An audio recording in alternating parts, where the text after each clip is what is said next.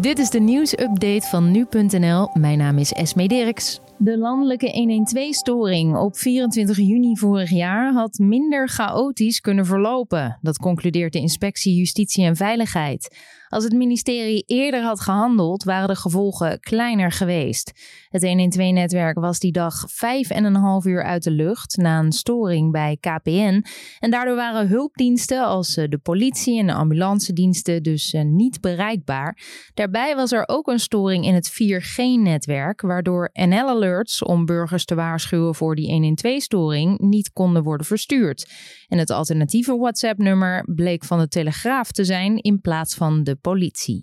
De verdachten van de vergismoord op Jordi Latumahina behoren volgens het OM tot een moordcommando.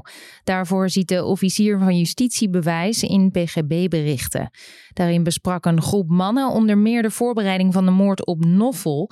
Een van hen zou de anderen moordopdrachten hebben gegeven, bijvoorbeeld tot de moord op Gino M. Hij was het beoogde doelwit van de schietpartij waar Jordi Latumahina het slachtoffer van werd. Het OM wil graag dat de nieuwe onderzoeksresultaten worden meegenomen in het hoger beroep in de zaak Jordi. Want volgens justitie verstevigen de PGB-berichten de verdenking tegen de mannen van betrokkenheid bij die vergismoord.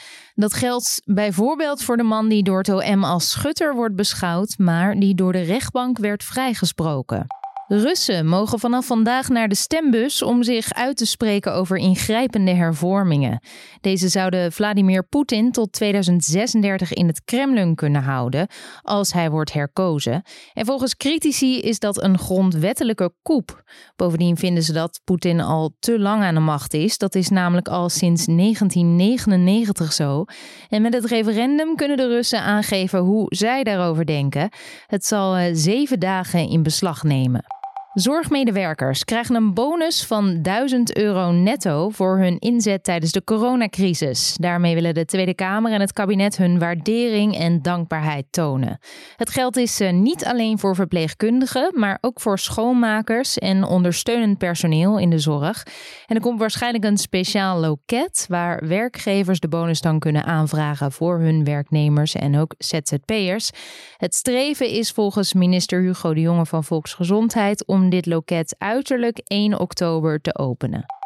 En Nederlandse voetbalsupporters zijn blij dat het kabinet de coronamaatregelen flink heeft versoepeld.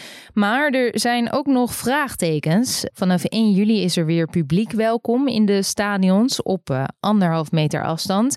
Maar Rutte zei ook dat er niet geschreeuwd en gezongen mag worden bij wedstrijden.